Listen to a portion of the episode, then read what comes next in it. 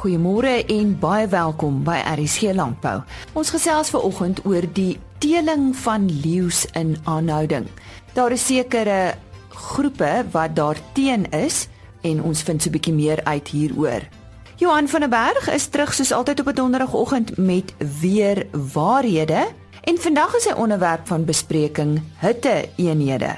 Ons gesels oor die produksie van rou melk kaas en ook Gerard Skutte van die RPO praat oor die vleisinvoere vanaf Brasilië. Professor Melville Simon is van die Noordwes Universiteit se toerisme navorsingsentiteit. Ek gesels vandag met hom oor die teel van leeu's in aanhouding. U sal dalk onthou dat daar 'n tydjie gelede in die media sprake was dat uh, daar talle instansies is wat kapsie gemaak het teen die teeling van leeu's in aanhouding. Ek wou eersins by hom weet hoeveel boere is daar in Suid-Afrika wat leeu's teel in aanhouding? Kyk dit dit dit werk so dat eh, 'n uh, mens met uiteraard nou 'n uh, uh, uh, permit hê om om dit te doen. Ehm um, en die aantal permitte wat deur die regering uitgereik is op hierdie stadium in Suid-Afrika is 297. En as ek nou net vinnig kan sê waar die hoe dit lyk provinsiaal gewys, die oorgrootste meerderheid is in die, in die Vrystaat 112 permitte. Uh in Noordwes uh, is is die tweede hoogste met 84 en dan Limpopo is die derde met 37 en dan word dit uiteraard al hoe minder. So die die drie grootste provinsies wat leeuteelery betref is die Vrystaat, Noordwes en Limpopo. Waarom wil hierdie mense nie hê dat dit moet gebeur nie? Waaroor gaan dit?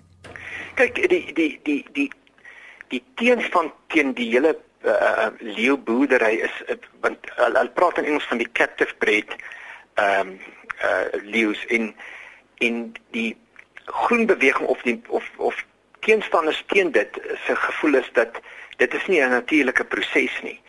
Ehm um, en dis eintlik waar die hele ding kom en dis onder andere die rede hoekom hulle die die invoere uh, of uitvoere van trofees leeu trofees na Amerika toe gestaak het want hulle reken dat 'n dier wat in in in in in ehm uh, so met ander woorde in captivity groot gemaak word of of of uh, geteel word het geen in dis hulle woorde het het geen uh, bewaringswaarde uh, nie en dis waar ons radikaal verskil. Ehm um, en want ek dink as mense die konteks van Suid-Afrika net gaan kyk is dat in die eerste plek jou provinsiale parke struktuur is grootliks het platgeval. So op nasionale vlak is dit net van parke wat 'n goeie bestuur nog toepas. En so instelling alleen kan nie ons leeubevolking in stand hou um, en teel mee nie. Gevolglik iewers moet ons 'n soort van 'n ingryping hê om die leeugetalle weet by te hou en en dis hoekom dit vir my sin maak om met leeu's te teel. Ekonomies gewys, wat se impak het dit? Ons het dan ons die syfer net gaan kyk vanuit die die die teeler se se bydrae tot die ekonomie.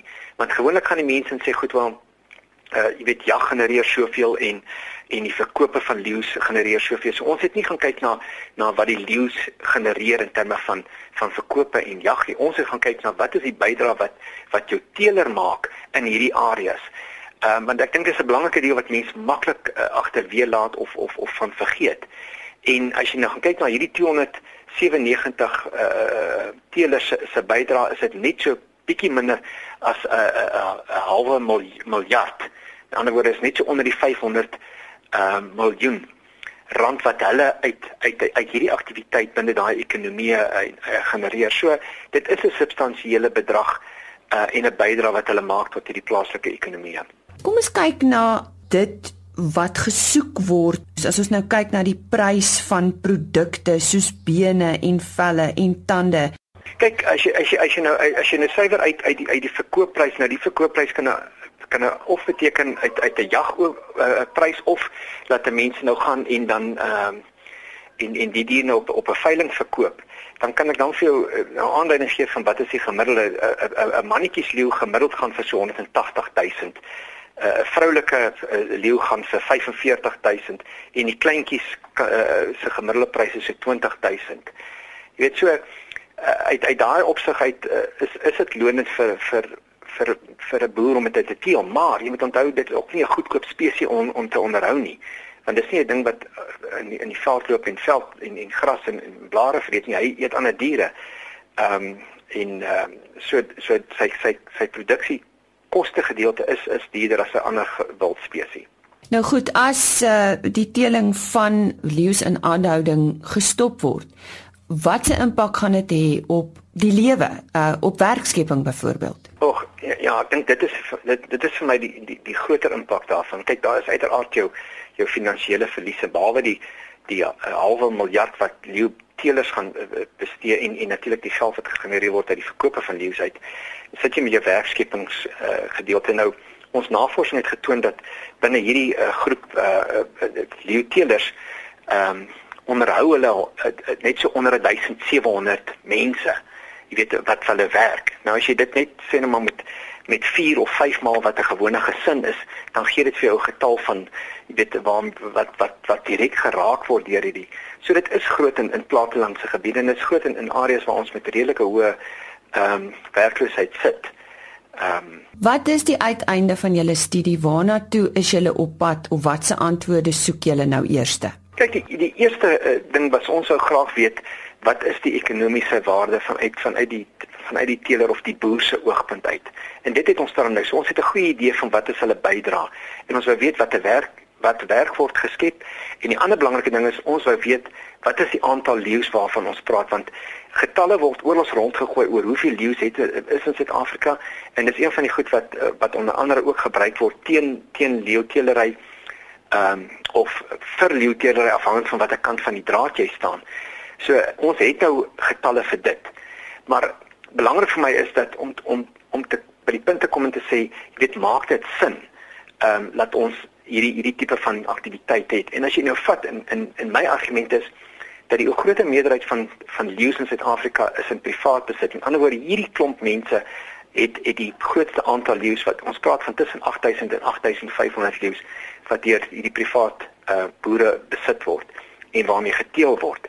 En dit is dis eintlik die getal wat ons leeubevolking kan op verbeter en wat ons kan makliker groei.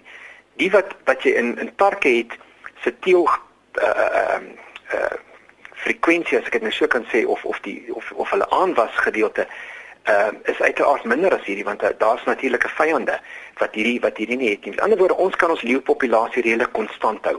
En dis vir my belangrik vanuit 'n bewaringsoogpunt uit. En hier is boere wat bereid is om daai om maar risiko te, te neem. Ehm um, en so dit was ons hele argument agter hier. So ek dink ons het het ek nou 'n baie beter prentjie van van waar ons staan in terme van hierdie aspek uh in Suid-Afrika. Die stem daarvan professor Melville Saiman van die Noordwes Universiteit se Toerisme Navorsingsentiteit. Weer waarhede saam met Johan van der Berg.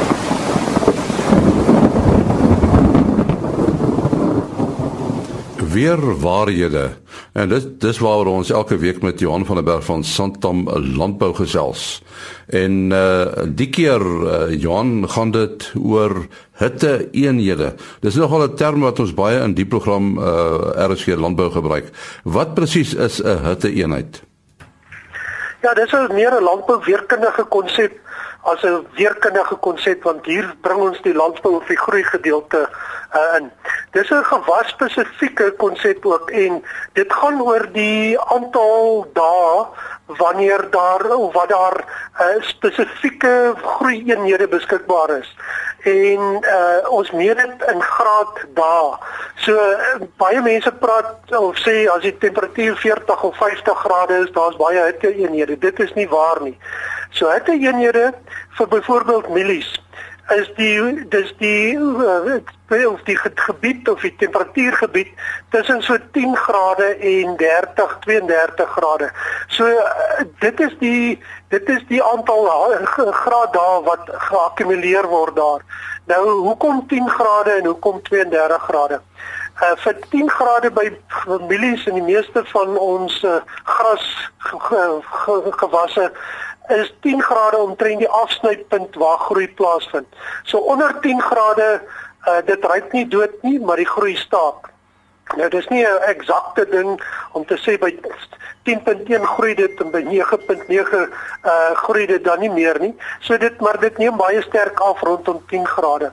So as dit bo kan 30, 32 grade gaan dit hang af van die gebied en so aan, maar uh bo kan 32 grade dra eintlik geensins by tot hitte eenhede of groei eenhede uh nie, want dit is te warm dan en ons kry eerder respirasie wat 'n negatiewe effek op groei het.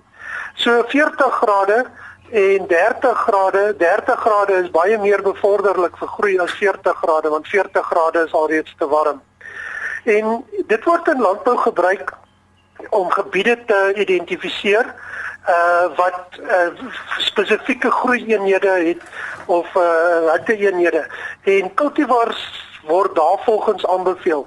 Byvoorbeeld in die koeler gedeeltes in die Oos-Kaap, ehm uh, Mpumalanga en Oos-Vrystaat word ander kultivars geplant as in die Weste. Uh want die die die die die hitteeenhede is minder aan die ooste kant en dit uh, daar moet ander kultivars geplant word. So soos reeds gesê, dit is nie vir alle gewasse nie. Uh maar dit is geldig vir ons grootste somergewasse soos uh mielies en sonneblom en sojabone uh wat daarby is. In, interessant uh sonneblom uh het 'n bietjie 'n laer basis of onderste temperatuur en dit is omtrent hier by 8 grade. So uh tussen 8 en 10 grade groei groei sonneblom nog redelik goed terwyl mielies al staak onder 10 grade. So dit is waaroor sonneblom 'n bietjie meer uh bereikbaar is in terme van plant datum en ook die boonste temperatuur uh is sonneblom kan 'n bietjie meer hitte vat. So dit is waaroor hy 'n wyeer reeks het en plantdatums dalk 'n bietjie anders is. So hierdie konsep van hitte eenhede is baie belangrik om te bepaal wanneer tot wanneer ons kan plant, hoeveel hoeveel energie is daar vir die seisoen oor nog om te kan groei. Uh en dit word baie gebruik by aanbeveling van kultivars uh en wanneer geplant kan word. Johan, jy jy het nou uh, hitte eenhede en groei eenhede het jy afwisselend gebruik. Is dit maar op die ou en dieselfde ding? Dis dieselfde ding. Hitte eenhede maar ons praat dit dis eintlik dieselfde ding maar uh dit dit is eintlik meer beskrywend om te sê groei eenhede. Die algemeen uit 'n weerkundige oogpunt praat ons dalk meer van hitte eenhede wat meer na die temperatuur verwys terwyl groei eenhede is eintlik dit wat beskikbaar is uh vir gewasse. So dit is dieselfde konsep uh hitte eenhede of groei eenhede dit is dis maar dieselfde Nou as as mense praat van eenhede, kan 'n mens dit meet? Mens kan dit meet. Dit word ehm um, bepaal in graad dae. So die die vergelyking wat gebruik word is uh, die gemiddelde temperatuur vir die dag wat hulle meet en hulle trek families 10 grade dan daarvan af. So kom ons sê die gemiddelde temperatuur is 20 grade vir vir 'n spesifieke dag en uh, die die basistemperatuur wat uit die vergelyking kom is 10 grade. 20 minus 10 is 10. So ons het 10 grade ja daar of eenhede uh, wat ons dan kan bytel uh hierby. Nou net om net om 'n idee daarvan te gee. Mielies gebruik in die orde van tussen 1500 tot omtrent 2000 uh graad dae of graad uh eenhede uh wat wat wat wat die behoefte moet bevredig daar. So nou kan ons na die klimaatstatistiek gaan kyk en dit gaan uitwerk in die geskiedenis en sê dit is as jy later is hierdie periode plant is jou uh, hitte eenhede of jou groei eenhede te min. Ons kyk ook na die rypdatums maar baie keer is die groei eenhede uh die die beperkende faktor. Weer waarhede. Dis waaroor Johan van der Berg elke donderdag gesels. Kaasmakery is wêreldwyd 'n reuse bedryf met 'n groot verskeidenheid beskikbare kase. Baie kaasvariëteite reg oor die wêreld word met rou of ongepasteuriseerde melk gemaak. En dit is juis waaroor ek en Jompie Burger nou gesels. Hy is bestuurende direkteur van die Suiwel Standaard Agentskap. Jompie, watter voordele hou die rou melk vervaardigingsproses in ten opsigte van die smaak van kaas? Môre Lisa, ja, ek ek dink so een stapie terug net. Ehm um, rou melk in Suid-Afrika en rou melk kaas is is twee aspekte wat ons net vinnig moet uitklaar. Ehm um, daar is baie keer verwarring. Nou rou melk per se mag jy nie verkoop in Suid-Afrika uh, as dit nie gelys is uh, in die uh, regulasies nie. Met ander woorde, as jy in 'n plaaslike owerheidsgebied is wat nie gelys is in terme van 'n regulasie nie, dan mag jy nie rou melk verkoop nie. Maar rou melk per se mag landwyd verkoop word. In ander woorde, jy kan in enige plek in Suid-Afrika kan jy dan rou melk vat en jy kan dit verwerk na 'n 'n kaasproduk of of 'n suiwelproduk toe en dan mag jy dit verkoop. Nou, kom ons hou by die by die kaaskonsep. So die regulasie maak voorsiening daarvoor. Nou uh roumelk by homself is is in internasionaal nie 'n nuwe ding nie. Uh ons weet dat tradisioneel was kaas gemaak van roumelk en tot vandag toe is dit so dat sekere handelsname wat ons ken soos Camembert en uh, Roquefort was tradisioneel van roumelk gemaak. Ehm um, maar natuurlik in die kommersiële wêreld is dit baie moeilik om roumelk so aan te bied want daar is voedselveiligheidsaspekte wat 'n probleem kan veroorsaak. Die belangrikste is ehm um, wat se verskil maak dit aan die mondgevoel en wat wil die verbruiker hê? Nou ja, daar word sekere aansprake gemaak dat as jy kaas maak van roumelk, dan het dit definitief ehm, 'n uh, bepaalde voordeel in en dan uh, gaan nie die basies die gesprek rondom die gebruik van sekere bakterieë en ensieme in die melk wat 'n impak kan hê om op die welstand van die mens se gesondheid deurdat daai mikrobiota uh, kan definitief 'n invloed hê uh, miskien op allergene op daai vlak en ook natuurlik op die op die breë van die gesondheid van die mens.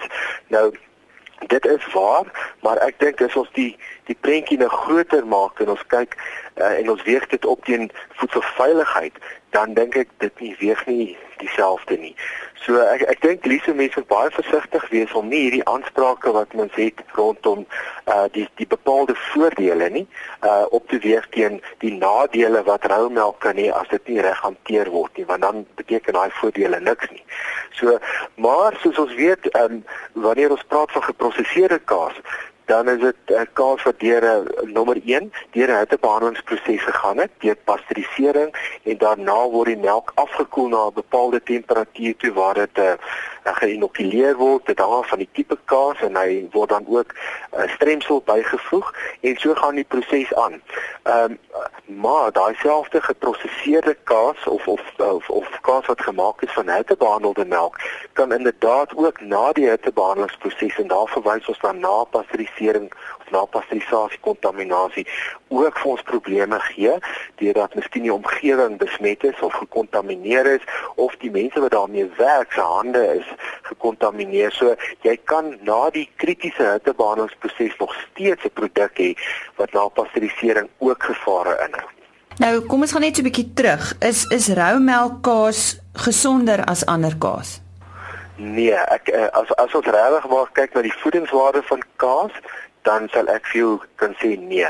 Ehm um, ja, dit kan bepaalde voordele inhou, maar as jy nou wil sê wat is daai voordele, dan dink ek is werklik waar marginaal van af. En die die gebruik daarvan vir die plaaslike bedryf, uh, is daar voordele in as ons dit nou moet vergelyk met die met die ander kant? Nee, daar's daar's wesentlik nie voordele nie. Ek dink vir die vervaardiger van kaas, nee, as jy dit wel maak van rauwmelk, kyk as jy tradisionele kaas wil maak en en jy verwys na 'n bepaalde kaas wat tradisioneel dan van rauwmelk gemaak is, dan is dit een saak. Ehm um, ek dink wat se voordele hou dit vir die vervaardiger in? Ja, dit uit 'n koste oogpunt kan dit miskien ekonomies wees omdat jy nie daai eh, sekondêre hittebehandeling stappe deurgaan nie. Met ander woorde, dit is energiebesparend. Ehm um, maar weer eens dit hang af van die tipe kaas. As ons praat van 'n sagte kaas wat dan bloot net ehm um, uh teen 'n bepaalde temperatuur verhit word en hy word dan sy kultuur bygesit in sy stremsel dan ehm um, is dit basies 'n vinnige kaas, maar daar sekere kaase wat natuurlik as uh, verouder en oor 'n periode moet dit dan nou gestoor word, geberg word teen bepaalde temperature. So dit daar's 'n klomp veranderlike faktore wat 'n rol speel om te sê wanneer is 'n kaas voordelig en wanneer is hy nie. Maar fundamenteel tot al hierdie goed is absoluut die, die saak van higiëne.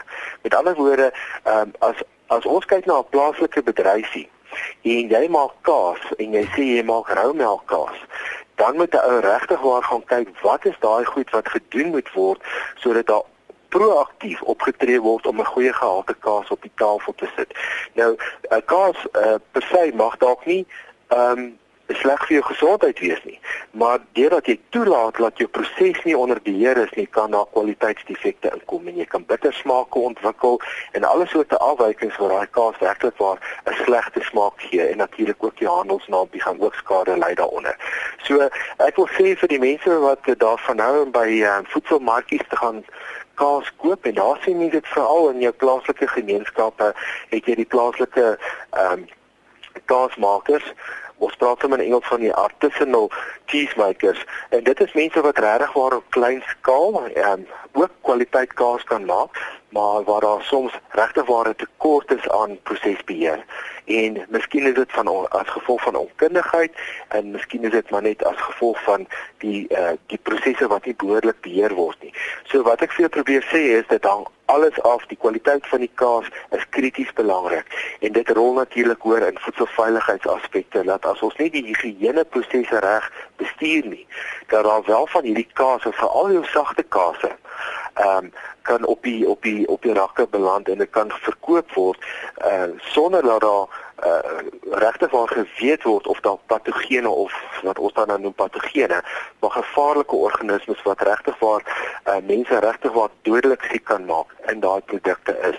So 'n voordeel kan regtig waar net so vinnig omswaai in 'n nadeel as ons nie proaktief is rondom hierdie prosesse wat ons moet beheer nie. Nou as ek nou dink talle jare gelede het ons so iets gehad soos 'n gesondheidsinspekteur wat natuurlik gaan kyk het of sulke goed in plek is. Hoe word die verbruiker nou beskerm? Lise, dis 'n baie interessante vraag. Ek dink vandag as ons kyk na ons wetgewing, dis definitief gefragmenteerd, maar as ons kyk na voedselveiligheid, dan resulteer hierdie kaasprodukte, voedselprodukte nog steeds onder die wet op voedingsmiddels, uh, skoonheids- en ontsmettingsmiddels en daar is 'n bepaalde regulasie, regulasie 1555 wat verwys na melk en melkprodukte. In daai regulasie sê daar spesifiek dat uh, enige melk of 'n melkproduk op die rak mag nie patogeniese organismes bevat nie. Nommer 1, ander woorde, uh siekte veroorsakende organismes nie. So dit waar ons begin. Wie moet daarna kyk? Ek dink die saak het twee kante. Eerstens sê die wet, jy mag nie 'n produk op die rak sit verkoop en dan gaan hy natuurlik baie verder as dit selfs invoer vir wat ook al maar, maar aan die einde van die dag aan die verbruiker verkoop wat wat dalk uh, 'n groot gevaar vir die verbruiker se gesondheid mag inhou nie. Dit sê die wet. Met ander woorde, ek die vervaardiger van die kaas het 'n duidelike verpligting teenoor die verbruiker om seker te maak hy voldoen aan die wet. Maar aan die ander kant sit ons met met die ehm um, die wetstoepassingsbeampte en ja verseker dit is die rol van die omgewingsgesondheidsbeampte soos wat ons in die ou dae ken die gesondheidsinspekteur. Nou daai is 'n gedelegeerde ehm um, uit die konstitusie, die grondwet kom dit dat dit 'n ehm afgewentelde gesag is na die plaaslike owerhede en dit is die rol van die plaaslike gesondheidsinspekteur om dan by hierdie persele om te gaan en dan te kyk inderdaad besit so 'n persoon dan 'n sertifikaat van geskiktheid in terme van die regulasie. Dis die nommer 1 wat ons nou kyk en is die prosesse onder beheer. Ehm um, maar wanneer die gesondheidsinspekteure dan nou nalat om daai rol te vervul, laat dit in elk geval ook nie die verkoper van daai kaas toe om te sê wel die gesondheidsinspekteur was nie hier nie. Ehm um, ek verkoop my produk nie. So uh, ons het 'n probleem reg oor die land in sekere streke veral meer waar die rol van die gesondheidsinspekteur regtig waar klein geword het. Ehm um, en daar is ander redes daarvoor. Jy weet dit gaan oor ehm um, hulpbronne, dit gaan oor kapasiteit en kundigheid. Ehm um, maar die rol van die SSA, die suiwelstandardagentskap is ook daar om te uh, by te dra namens die bedryf en die verbruiker om die kwaliteit te verbeter. Dit was dan die bestuurende direkteur van die suiwelstandardagentskap, Jompie Burger. Die departement van landbou, bosbou en visserye word deur die RPO geluk gewens met die vinnige en effektiewe optrede rakende die vleisskandaal in Brasilië. Vir meer inligting hieroor, die hoofuitvoerende beampte van die rooi vleisprodusente organisasie, Gerard Skutte. Ja, baie dankie vir die geleentheid van die nasionale RPO se kant af. Wil ons die departement gelukwens met die baie vinnige en effektiewe optrede rakende die vleisskandaal in Brasilië. Dit getuig baie duidelik dat ons owerheid en hulle owerheid baie nou met mekaar saamwerk. En oornag is die vleisinvoere van 21 aanlegte in Brasilië met onmiddellike effek gestaak. En verder wat ook baie verblydend is, is dat alle vleisinvoere uit Brasilië by die poort van binnekoms uh, uh, nou getoets gaan word. Dit skep vertroue. Die goeie nuus is egter dat geen bees of skaapvleis vir 'n geruime tyd nou al ingevoer word van uh, Brasilië nie. En die RPO en die rooi vleisbedryf maak dan ook gebruik van 'n instansie, 'n onafhanklike maatskappy AgriInspect om die invoerlandskap te monitor. En AgriInspect tree ondersteunend op tot die owerheid, uh, die Suid-Afrikaanse owerheid en ek wil amper sê die vennootskap uh, is baie goed en uh, dit is baie verblydend. So ons sê nog steeds vir die verbruiker koop Suid-Afrikaans, uh, dit is 'n waarborg en die klassifikasiemerke, die karkas klassifikasiemerke is 'n waarborg van higiëne en baie hoë standaarde. Dit is natuurlik vir uh, ons as rooi vleisbedryf totaal onaanvaarbaar dat hier mededingende produkte in die markte sal wees wat onder standaard is of uh, glad glad nie aanvaarbaar is uh, vir verkope nie. Maar ek dink uh, ons kan ook 'n lesie daai leer. Ek sien een van die leiers in Brasilië, die vleisleiers het gesê die skade is gedoen en is ironies. Dis 21 aanlegte uit 5000. En die Suid-Afrikaanse, veral die beesvleisbedryf is in aanloop tot uh uitvoere. Op hierdie stadium voer ons al 40000 ton per jaar beesvleis uit En ons het van die begin af mekaar gesê en ons het nou dag in 'n werkswinkel ook gesê ons naam is alles en ons produk is alles en die verbruiker is koning en koningin en ons sal vir hom en haar moet gee wat sy of hy graag wil hê, het sy in die plaaslike mark of in die internasionale mark. En daarom is dit so dat die rooi vleisbedryf op hierdie stadium ook kyk na 'n addisionele vrywillige graderingsstelsel wat kwaliteit en gehalte aan die verbruiker sal waarmaak. Gerard, maar as ons soveel uitvoer, hoekom is dit nodig vir ons om in te voer? Ek dink dit gaan oor die ehm uh, mark te balanseer. Ons sê nog altyd vir mekaar ons het dalk 'n oor uh, voorsiening van hoë kwaliteit beesvleis in Suid-Afrika uh, en uh, ondervoorsiening van vleis vir verwerking en ons moet onthou die rooi vleisbedryf is heeltemal in die vrye mark vraag en aanbod dikteer en sou daar vleis ingevoer word van ander lande en die pryse dit dit regverdig kan niemand dit stop nie. Is daar nou elders uh, waar daarvan ingevoer gaan word as Brasilië dit nie meer doen nie, weet jy? Ek verstaan dit is meer die pluimvee en die uh die varkbedryf wat hier ter sprake is en soos ons onlangs gesien het, hier's groot probleme na my mening en ek uh, kan nie namens die pluimveebedryf praat nie, maar ons het gesien die invoere van Europa. So ek dink op die internasionale mark is daar waarskynlik voorraad beskikbaar. Ek het daar gesels met Gerard Skutte, die hoofuitvoerende beampte van die RPO. En daarmee groet ons dan vir hierdie week. Môreoggend om kwart voor 5 sal Chris Viljoen terug wees met RSG Landbou en so ook Saterdagoggend om kwart voor 12. Ek gesels dan weer Maandagoggend 3 April met u. Totsiens. RSG Landbou is 'n produksie van Blast Publishing. Produksieregisseur Henny Maas. Aanbieding Lisa Roberts. En uitskoördineerder Martie Kerstyn.